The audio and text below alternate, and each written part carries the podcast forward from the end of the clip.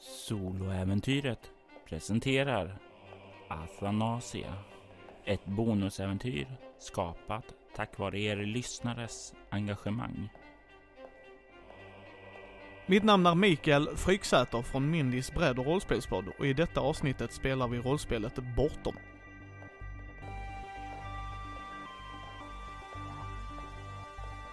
Jag tar rollen av den framgångsrike privatdetektiven Bruce Castle som alltid löser sina fall. I alla fall andras.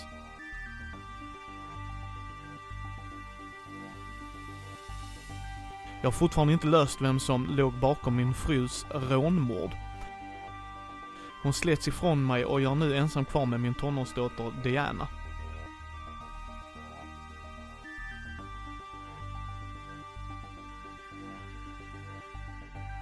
Jag gör allt för att hon ska känna sig både lycklig och säker. Jag vet inte hur jag skulle kunna klara ytterligare en förlust.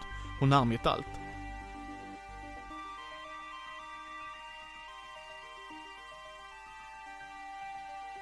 Välkommen till Athanasia. Bruce natt blir bara sämre och sämre. En eh, bror är död efter att ha tagit en cyanidkapsel och försökt underminera Bruce plats på företaget. Och den andra brodern återfanns i en källarlokal med sin buk uppsprättad. Då återfanns en hälsning skriven i blod till den gode Bruce. Det fanns en adress. En adress som hans Eh, anställde Sarah har bekräftat tillhör klubben Eternity ute i Lambeth Beach. Han ville även ha tagit två personer. Sin gamla väns kontakt som tyvärr fann sig ute i Nepal just nu och inte var tillgänglig att anlända fysiskt på plats. Men han fick ett sätt att kontakta honom på. Den andra som han ville få kontakt med var någon som hade okult erfarenhet. Samantha Rourke, brottsförstens fru. Hon var tydligtvis den personen.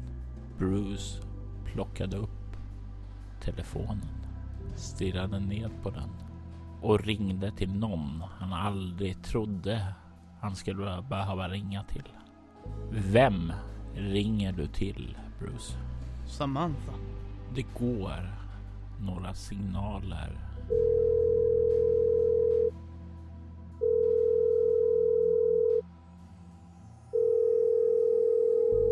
Och du hör sedan en kvinna som säger Hallå? Samantha. Det är Miss Rourke här. Vem äh, talar jag med? Bruce Castle. Bruce Castle. Jag har hört talas om er. Och jag har hört talas om er. Åtminstone om din man. Och om du bara anar hur rik jag skulle vara varje gång jag hört den. Men eftersom det inte är min man du ringer efter så antar jag att du har någonting du vill diskutera med mig. Kan du träffas? Absolut. Pir 14 nere i Port Cameron. När? Jag kan vara där om 20 minuter. Ska försöka vara där då. Jag klickar. Jag äh, gråter nog i min ensamhet och smuttar på whiskyn när allting kommer som vågor. Sen så, av ren envishet slutar jag. Av ren ilska. Jag ringer ett samtal till Sarah. Och som vid det här laget så sker svaren väldigt fort. Boss? Bil hit nu. Jag ska ha en privat chaufför som ska ta mig till Pier 14. Givetvis. Eh, bil är på väg nu. Mm. Sen vill jag att du eh, informerar Eriks föräldrar om att vi gör allt vad vi kan för att lösa det här mysteriet. Eh, absolut. Du nämner ingenting om Fredrik eller Martin? Givetvis inte. Bra. Klick. Du ser det inte. Men Sarahs hand darrar lite när hon sänker den. Hon har haft en jobbig natt. Kanske inte riktigt lika jobbig som dig, men hon lever i skräck. Hon tar fram en huvudvärkstablett, häller ner det i glaset och gör som du har sagt. Jag häller upp ett nytt glas. Jag står framför ett familjefoto i, vid eldstaden. Där jag ser eh, en lycklig familjemiddag mellan mig och Fredrik och Martin och Diana. Men inte din fru? Nej, det var efter. Det var första gången på mycket länge där vi kunde sitta och skratta tillsammans där. Jag hade hittat lite form av normalitet i vardagen. När vi var på vår favoritrestaurang. Det var sista gången vi var ute och åt, slår det mig. Jag har inte haft tid annars. Jag har inte haft möjlighet att äta som en familj på väldigt länge och det slår Bruce nu. Slår mig väldigt hårt. Som en tsunami. Och det gör hatet blir ännu starkare. Och jag slänger glaset rätt in i väggen. Och svär vid alla gudar att jag ska göra allt i min makt för att hitta Diana. Och jaga den till världens ände, den som har gjort henne illa. Sen går han ut och står stadigt och väntar på bilen som bör rulla upp inom någon minut annars får Sarah ett annat samtal. Sarah har gjort sitt jobb. Du behöver inte vänta. Bilen svänger upp lagom när du kliver ut. Och så fort du stänger dörren så börjar den försiktigt rulla iväg mot adressen som du gav henne. Pier 14. Vad är ditt namn? Carlos, sir. Har du en cigarett Carlos? Si. Eh, och du kan se han sträcker över ett paket åt dig. Gracias. Jag eh, tar upp den. Jag tittar ut. Jag tror Carlos, precis som de andra, om han har sett mig innan så har han ju hört på ryktesvägar att jag är nog en bra arbetsgivare. Hård men rättvis. Jag vill ha resultat. Men levererar du får du betalt. Och jag tror att det är första gången han har nog fått en annan bild av mig. Jag tror jag har mött Carlos innan utan att reflektera över det för att jag brukar inte prata med mina anställda på det sättet. Jag har inte riktigt tid och möjlighet. Men jag tror han ser en stor sorg i mina ögon. Men samtidigt med de svarta av hat. Och varje bloss jag tar är med metodisk ilska av någon anledning. Och så sitter jag tyst, säger inte ett ljud. Hör bara vinden susar förbi och farten. När han, vi väl kommer fram, jag säger inte ett ord till det som jag antar att han inte gör det heller. Uh, om han är på väg ut och öppna dörren så behöver han inte utan jag är redan ute ur den. Och sen så säger jag med kort och koncist. Uh, jag vill att du väntar här tills jag är tillbaks. Si, senor. Har du familj, Carlos? Si, två pojkar. Brödrar? Tre systrar. Jag lägger 500 dollar på passagerarsätet. Gör mig en tjänst. På fredag när du är ledig. Du är ledig på fredag förresten. Det ser jag till. Så bjud dem på middag. Och ta hand om dem. Gracias senor. Eh, si. Jag ska göra det. Sen så går jag bara. Den här sena natten har börjat nästan bli morgon nu. De första solstrålarna har kommit upp. Ljudet av hamnarbetet som har startat upp hörs i bakgrunden. Du kan se en vit limousin som har parkerat ute på piren och utanför den så står det en kvinna i en lång rock. Det långa mörkbruna håret hänger ned över axlarna. Hon har ett par solglasögon på sig. Står och stirrar ut mot havet när du kommer gående. Mr Castle. Stämmer. Hon vänder sig om, tar av glasögonen. Det är första gången du ser Mrs Rourke stå där. Hon observerar dig. Så vad kan jag göra för dig? Hur beläst är du i det okulta? Jag eh, vet mer än vad de flesta någonsin kommer få veta om det. Som jag säger King Eternity, vad säger det dig då? Det första som jag skulle säga är eh, darwinism. Who and the what now? Darwinism är en gren inom det okulta som är eh, knutna till eh, Daniel Darwin, vår skräckförfattare. Det är inte första gången som det rör sig saker från hans verk här i trakten. Saker och ting har en tendens att bli verkliga från hans böcker. Jag har lite svårt att greppa om det här. Vad menar du komma till liv?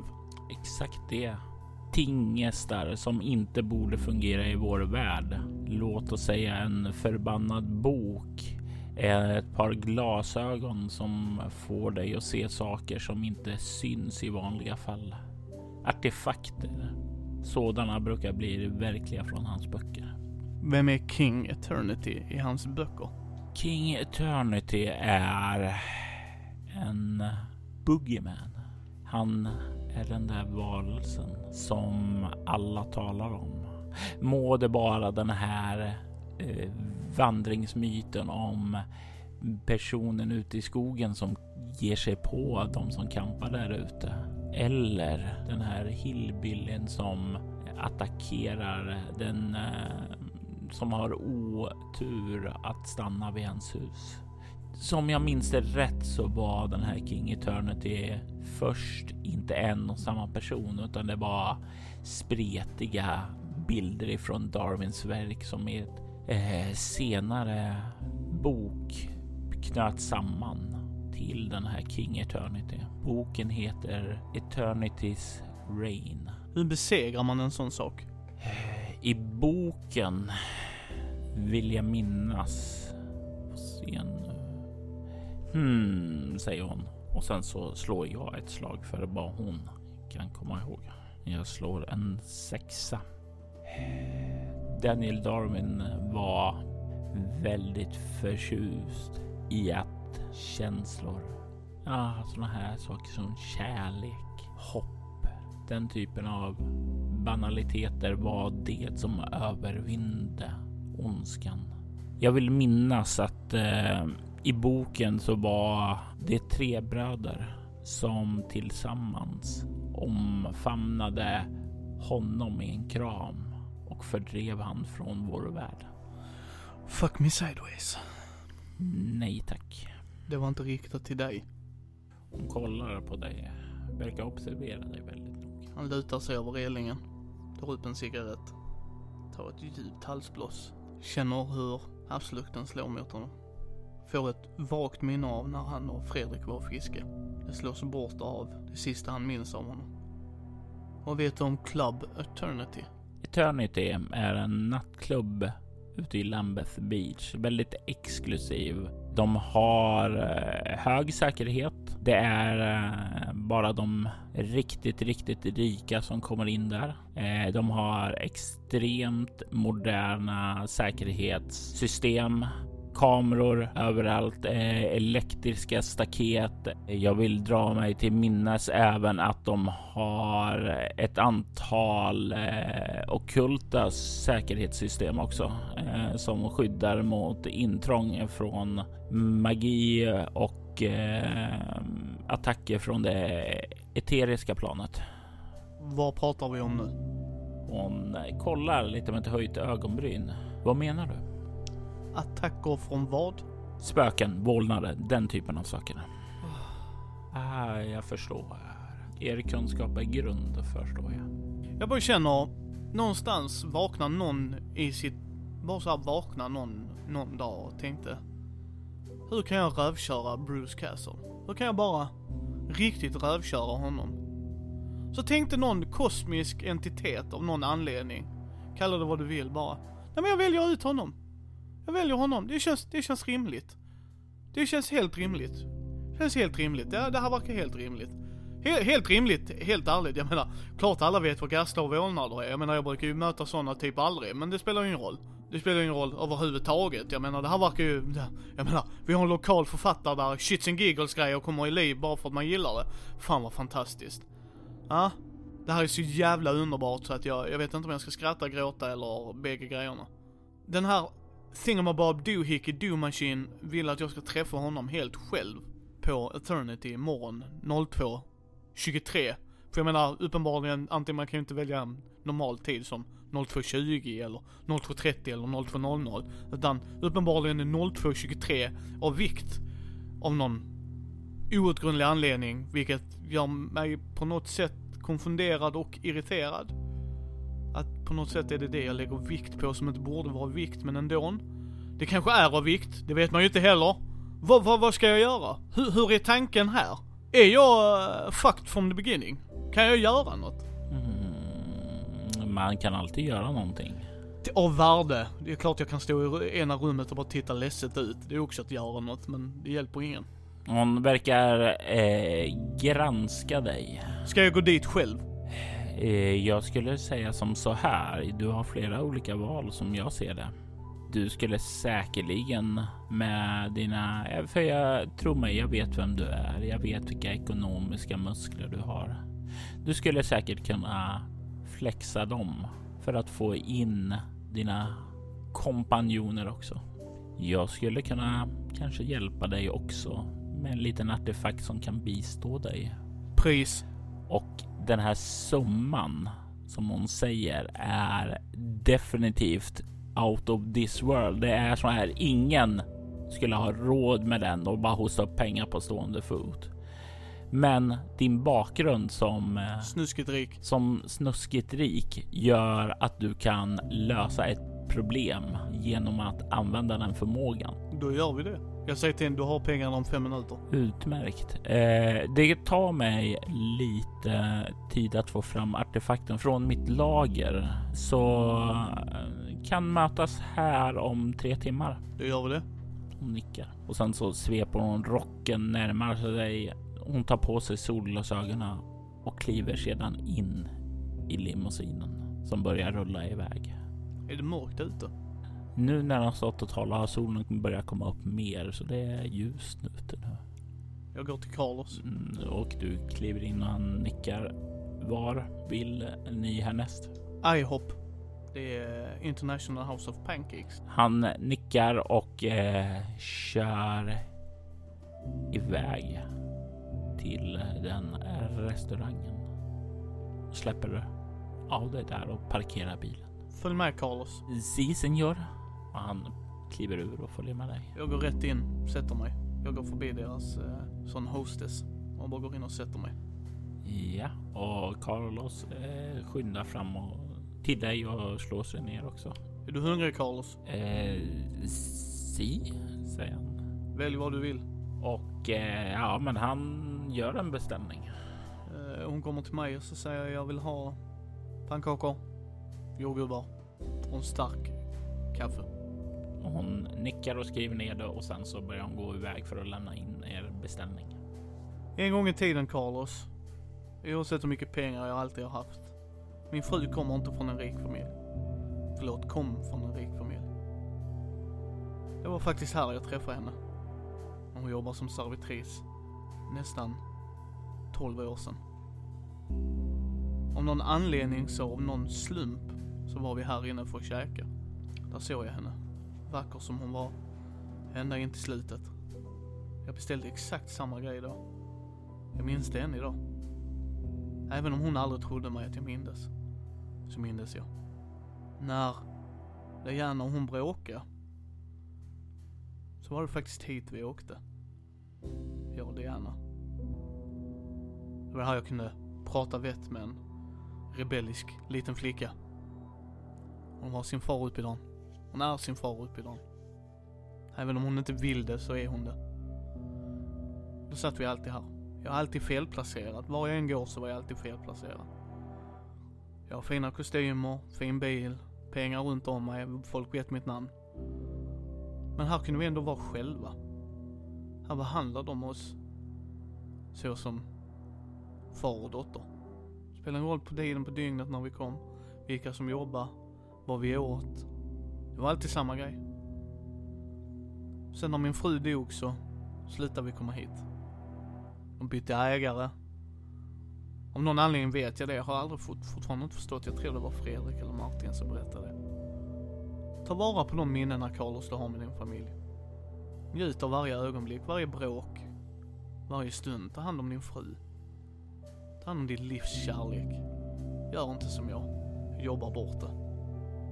Du kan se han är väldigt sammanbiten, lyssnar väldigt noga och allvarligt och nickar till svar. När du liksom säger det och liksom han verkligen tar in de här orden. Maten suger men det är själva atmosfären som är det bra. Det är någonting med nostalgi, minnen som blir en extra tillvaro. Och om det här är min sista måltid i livet så vill jag vara här och jag hittar all min lycka. Han äter. Jag äter. Vi säger inte ett ord till varandra. Jag betalar. Lämnar en sån stor dricks jag tror hon svimmar. Och sen eh, säger jag nu är det dags. Vi åker Carlos. Till samma pir igen. Ni kommer tillbaka till piren. Kan höra att det är fullt eh, sjå av folk som arbetar. Ja, ute på pirarna. Alla pirar förutom den här som av någon anledning ingen verkar vilja röra sig ut på. Du kan se hur hon står där. Lutad mot bilen. Verkar vänta på dig. Mr Castle, välkommen tillbaka. Tackar. Hon stoppar handen i fickan. Jag har något åt er. Hon tar upp ett halssmycke och du kan se att det här halssmycket verkar vara... Mm, du kan slå ett eh, lätt slag med ego humaniora eller ett eh, svårt slag med ego ockultism. Nio. Du skulle säga att definitivt sydamerikansk design. Du kan se att det ser ut som om det är en rund cirkel med eh, massa ja, spetsar omkring det och i mitten ser det ut att vara ett öga. What the actual fuck? Och det är en kedja som går därifrån så den går att hänga runt halsen. Hon kollar på dig och säger det här är en skyddsamulett. Skyddsamulett. Den skyddar dig ifrån ond magi. Den gör ditt sinne ointrängligt.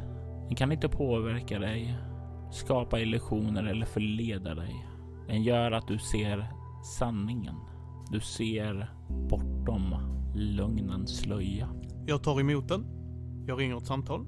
Sarah. Du ringer Sarah, ser till att pengarna överförs och eh, ni tar farväl av varandra. Innan det händer Mm. vill jag bara säga en grej.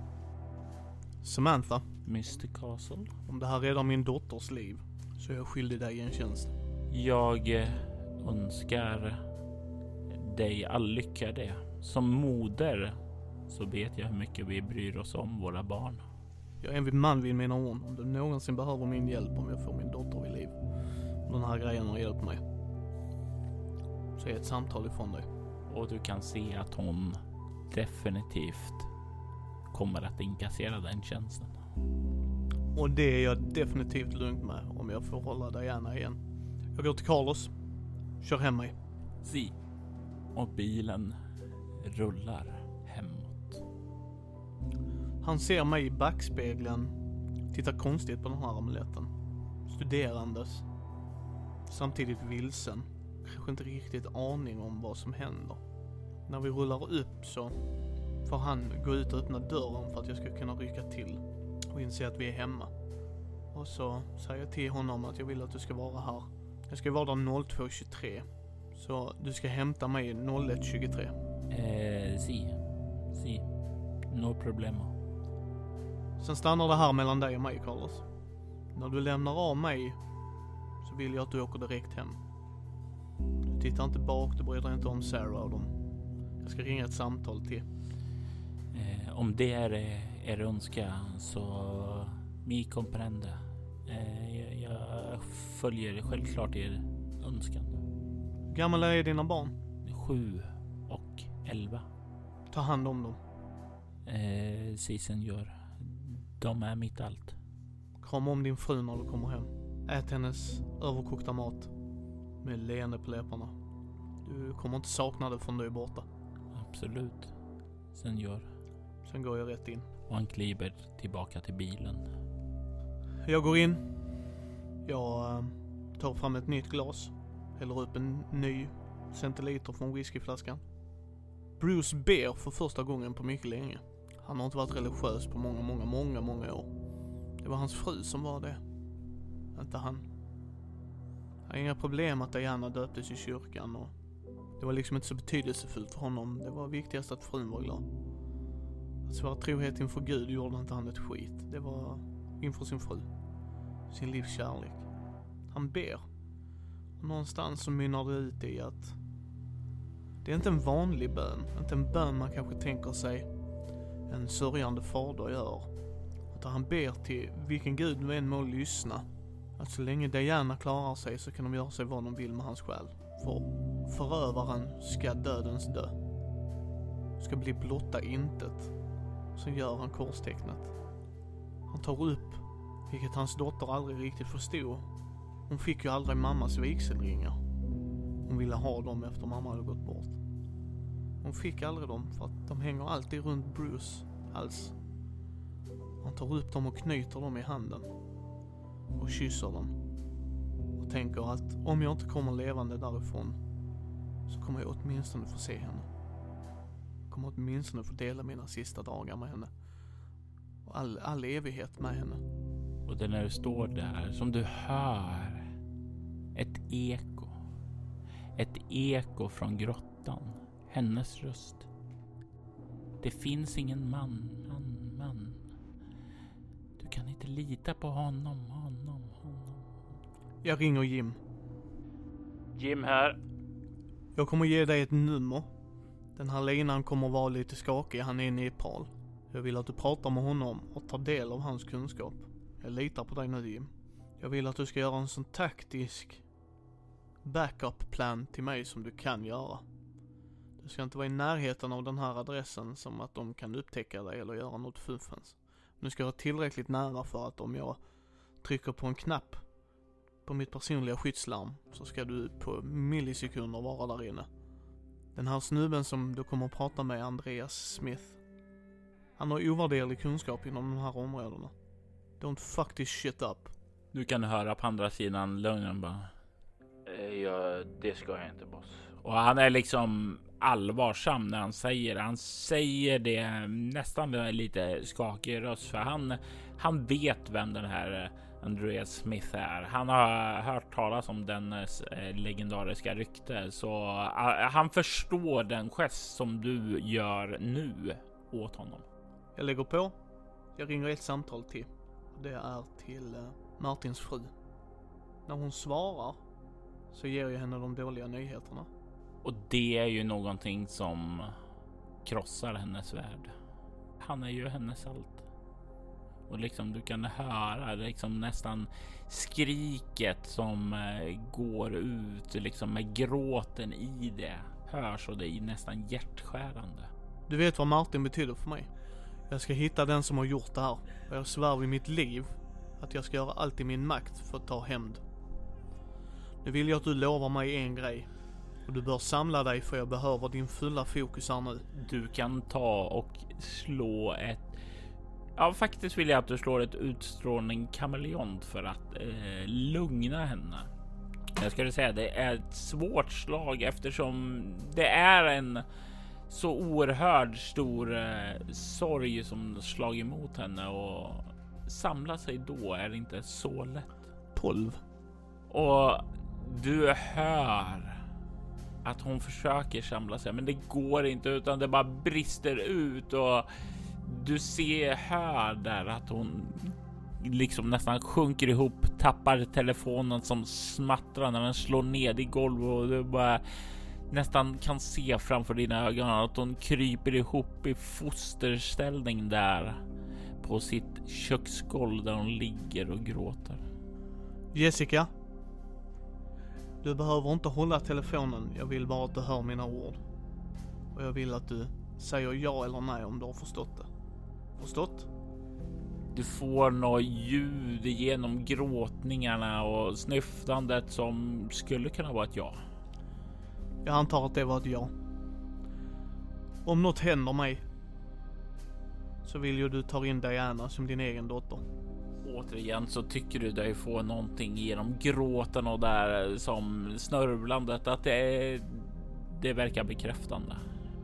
Jag kommer skicka dit någon som kommer ta hand om dig och dina barn. De personerna kan du lita på. Det är med stor sorg att jag säger att min favoritbror har dött. Jag gjorde allt, det vet du. Jag skulle gå till världens ände för honom och han så för mig. Du hittar en bra man och jag vill att du ska veta det. Och det bringer mig stor sorg att meddela dig detta över telefon. Men jag har inte tid att komma ut och ge dig nyheterna personligen. Du kommer aldrig behöva oroa dig för några ekonomiska bekymmer. För ni är vår familj, du är en castle nu. Från den dagen du gifte dig med Martin till den dagen du går hädan själv så är du alltid en castle. Jag kommer göra allt i min makt för att se till så att du och barnen har det bra. Så det kommer en kille, Ted. Han är där för att hålla dig och barnen säkra. Lyssna på honom, ta ett djupt andetag, så hörs vi. Jag lägger på. Sen ringer jag Sarah. Och du tycker dig precis när du lägger på flämta fram genom gråten ett klick. Jag ringer Sarah. Boss? Du, du kan höra nu hennes röst. Den är trött. Den är nästan ihålig. Det är nästan rösten av en traumatiserad person. Jag vill att du skickar dit Ted Williams till eh, Martins fru. Eh, yes boss. Jag vill att du eh, via vår advokatavdelning ser till så att hon aldrig behöver oroa sig för en cent i sitt liv. Eh, givetvis. Vi ser till att sätta upp en fond åt henne. Jag vill att du ger Carlos en fond också. Absolut. Jag vill att du inom, jag ska ringa ett samtal till, till eh, Fredriks fru. Samma sak gäller henne och hans barn. Jag vill inte ett tillstymmelse ska komma till dem om hur han dog. Jag skiter i hur du gör för att det ska ske. Och mark mina ord nu, Sarah. Och när du säger märk mina ord, då kan du nästan höra hon bara ställer sig pinrak och det är nästan som det här barnet som har blivit misshandlat där hemma och vet att eh, den nu kommer den få en hurring till. Eh, den vet vad som är på gång och det är liksom hon sträcker på sig, blundar nästan och gör sig redo för att höra en återgällelse igen. Om du faktiskt shit up, så det numret du hittade innan är den mannen som kommer vara det sista du ser. För om inte jag kommer tillbaks och Diana är vid liv så ska hon ha den bästa möjliga Karen du kan någonsin ge. Och lyckas du inte med det så kommer det vara det sista du ser är den mannen. Har jag gjort mig tydlig? Kristallklart. Lyckas du sköta det så är denna skutan för dig att köra. Finns en anledning varför jag tog dig under mina vingar. För Martin och Fredrik ville aldrig ta över skutan, de ville bara åka med. Och Diana var aldrig intresserad. Därför var det en stor sorg för mig när du gick mig bakom ryggen. Ett tu Brutus, ett tu. Så lyckas du med det så vill jag att du tar hand om Diana som hon är en av dina döttrar. Jag ska göra allt i mitt liv för att du ska ha det bra. Men fuck this shit up. Och det sista du ser är hans ansikte över dig. Du kan höra hennes andhämtningar. Du kan höra hennes darrande röst. Ja, chefen. Jag ska göra vad jag kan. Och du hör hennes röst darra när hon säger det. Du kan höra hur hon skäms för vad hon gjort. Vad du däremot inte hör är hur tårarna börjar rinna ned för hennes kinder. Om inte vi syns igen, Sarah, så kom ihåg att jag alltid sett dig som min andra dotter. Jag har aldrig varit bra på att säga det, men du har varit som en dotter till mig. Jag kommer göra allt i min makt för att du ska ha det bra också. Därför får du det viktigaste i mitt liv. Du ska se till så att, med Martins fru, att min dotter har den bästa liv hon kan någonsin ha. Det, det, det ska jag göra. Jag ska göra mitt bästa för att göra dig stolt. För att återfå ditt förtroende. Jag kommer lägga en grej jag aldrig har tagit av från min kropp sedan min fru dog. Halsbandet med hennes ringar på och lägga här på diskbänken. Om inte jag kommer tillbaks vill jag att du ger det till min dotter. Givetvis. Jag vill att du berättar hur mycket hon betyder för mig. Även om jag aldrig sa det. Jag vill att du förklarar hur mycket min familj betydde. Hur mycket Martin gjorde, hur mycket Fredrik gjorde och inte ett ord om vad Fredrik gjorde. Det är inte det minnet hon ska ha. Hon ska ha det fina minnet från Fredrik när de busade vid julklapparna. Hur de sprang på bakgården och lekte vattenkrig. Fina restaurangmiddagarna vi gjorde. Att hon var min ögonsten. Både hon och mamma. Gör det för mig, så gör du mig stolt. Du har mitt ord på det. Ta hand om dig Sarah. Detsamma, Bruce. Och sen klickar jag. Sen ringer jag ett samtal till till Fredriks fru. Hej Bruce, vad, hur är det? Allt väl? Jag vill att du åker till Jessica. Eh, det är det verkligen nödvändigt här alltså. Jag har ett ganska fullbokat schema idag. Sitter du ner? Nej, jag eh, är eh, ganska opasslig just nu. Eh, jag är på väg in eh, till squashträningen. Stanna bilen. Kör in till sidan är du snäll. Eh, Okej. Du kan höra ljudet av en blinker som slår ut och snart att bilen stannar till. Du skrämmer mig lite Bruce. Har någonting hänt? Ja, jag vill att du tar dig till Jessica så fort du har lugnat ner dig efter det här samtalet. Jag vill att du stannar där. Jag vill att du hämtar ut barnen dock innan, det vet du. Fredrik är död. Du kan slå ett lätt slag med utstrålning kameleont och den här gången så du talar väldigt lugnt och metodiskt där så du kan få plus två på slaget. 13. Hennes andhämtning blir lite så här irreguljär först. Men du kan höra hon. Det är ändå ett samtal som hon någonstans en gång i tiden gjort sig beredd på att få. Jag förstår. Martin är död. Jessica behöver dig. Denise, det är alltid den grejen jag har respekterat högst hos dig. Hur du i stridens hetta alltid kunnat behålla ditt lugn. För det älskar jag dig. Diana är borta. Jag ska försöka hämta hem henne. Jag vet inte om jag lyckas. Men om jag lyckas och inte kommer tillbaks så vill jag att du tar hand om henne. Med Jessica. Gör mig stolt där. Det vet jag att du kommer göra. Precis som jag sa till Jessica, du är en castle från den dagen Fredrik sa ja till dig. Vi kanske inte kommer ha ett samtal mer. Så tack för att du gjorde min bror glad. Tack för att du var där när min fru dog. Tack för att du var där när min dotter föddes. I min yra när jag knappt hade någon aning om var varken in eller ut. Så tack för det, Denise. Och tack själv för alla minnen. Jag hoppas att du finner henne. Det gör jag också. Det är min första prioritering. Sen min fru dog vet du att det är Diana. Så jag vill att du tar hand om Jessica. Hon behöver det mer nu än någonsin. Och du eh, tar hand om dig själv. Tar hand om din familj. Hälsa din pappa. Jag har alltid gillat honom av någon anledning. Han var alltid en trevlig prick. Säg morsning korsning till honom. Där är några fina whiskyflaskor du kan ta från mitt hem och ge honom. Det ska jag göra. Kom ihåg. Du var Fredriks hjärtesten. Tack. Sen så klickar jag henne. Det har blivit framåt lunch nu och du har ett halvt dygn kvar innan du börjar närma sig tiden att åka ut till Eternity. Ut i Lambeth Beach. Jag går till grannen. Ja, Jag har en check med mig för vad hans bil är värd. ja.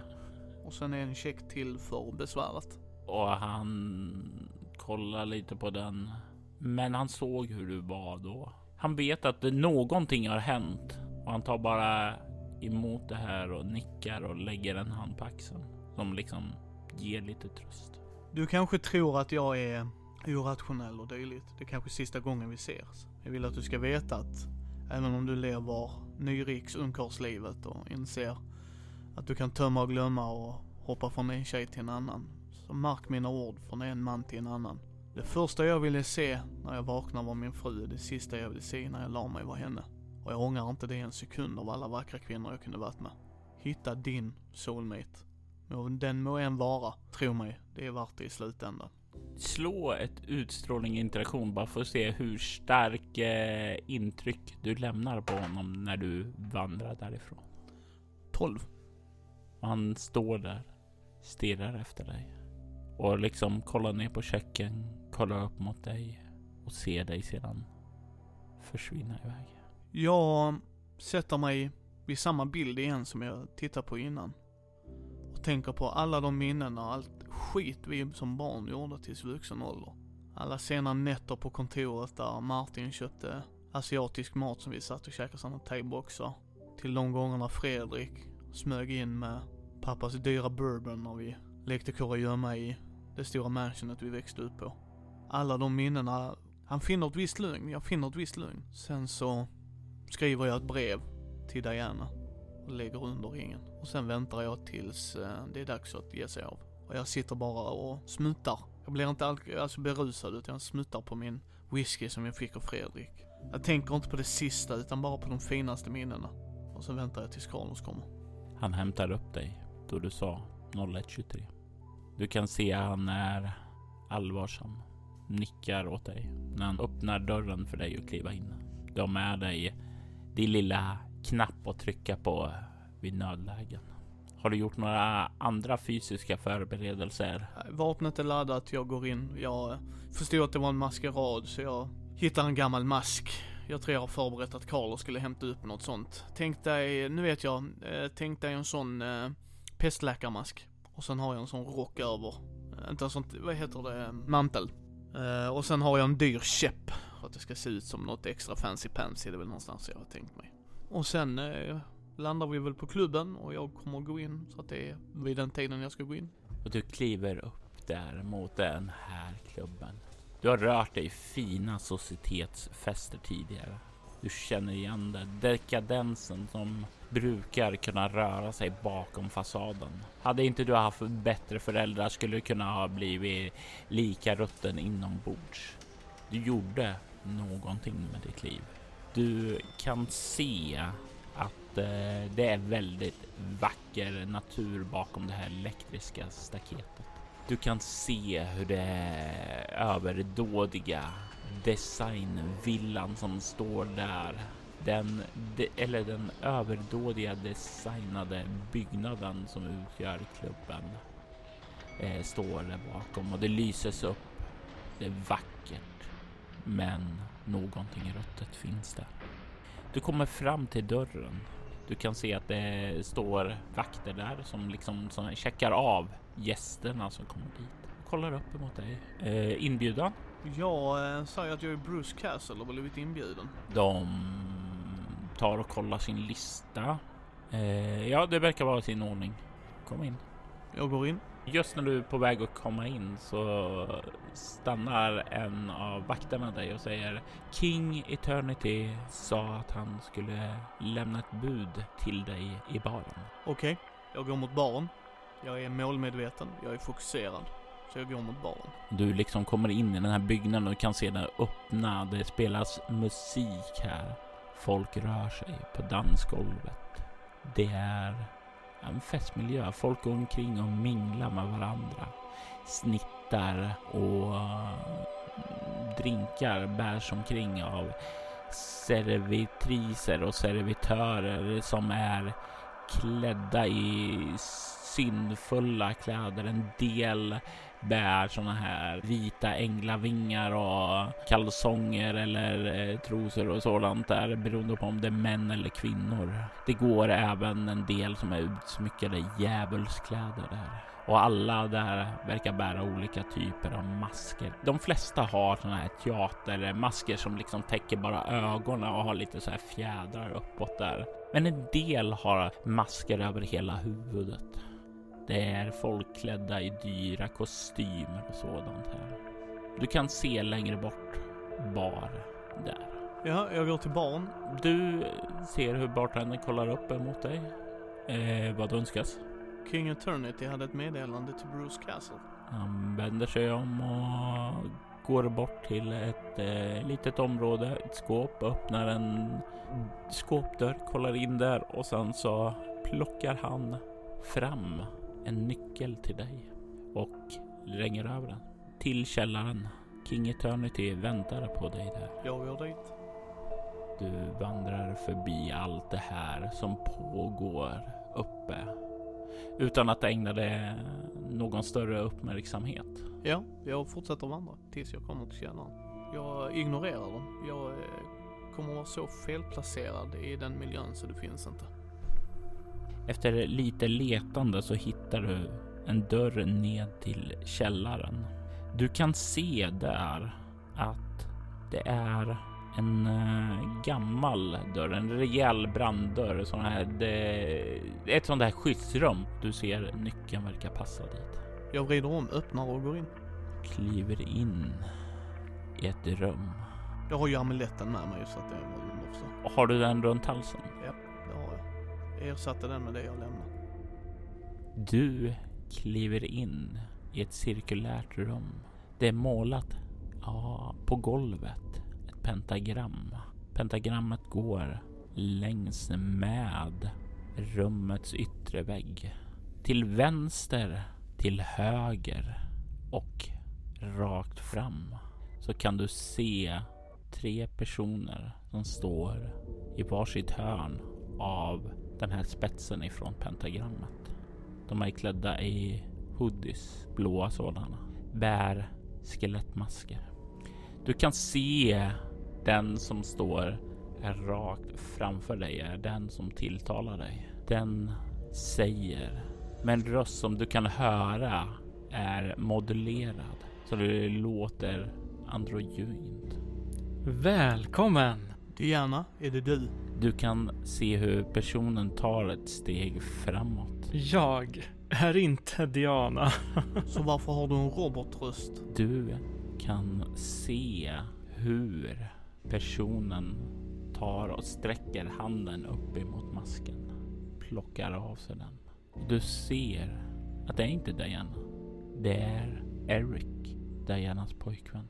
Var är Diana, Erik? Åh, oh, vad Diana är. Oroa dig inte. Hon är säker där hon är. Hon kommer fortsätta vara det. Om jag får det jag vill ha. Och vad vill du ha? Och han kollar på dig.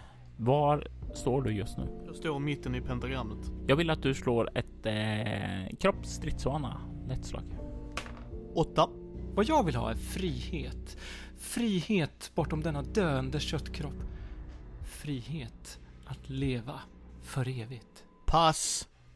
Det är just då du lägger märke till bakom dig så har de här två andra kommit upp bakom dig. Det är nästan som om de har förväntat sig att vara dolda för dig, för annars så skulle de haft mycket, mycket lättare att ta sig fram och hålla sig diskret. Det är nästan som man förväntar sig att du inte ska se dem. Men du kan se att de har dolkar i sina händer och det är inte vanliga knivar utan det verkar vara någon typ av rituella dolkar. Vad fan har jag med dina kötsliga lustar att bli fri?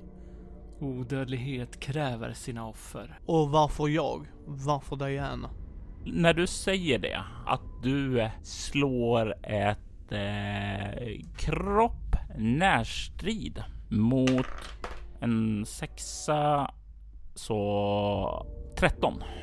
Uh, åtta. Du kan ta en bestående förlust i kropp. Eh, du känner när du säger det, varför det? Och vill få svar ifrån Erik så känner du plötsligt en av dem bakom dig tar ett snabbt steg upp bakom dig och trycker in kniven i ryggen på dig. Alltså det går in från sidan in mellan revbenen där och du känner den här. Ah!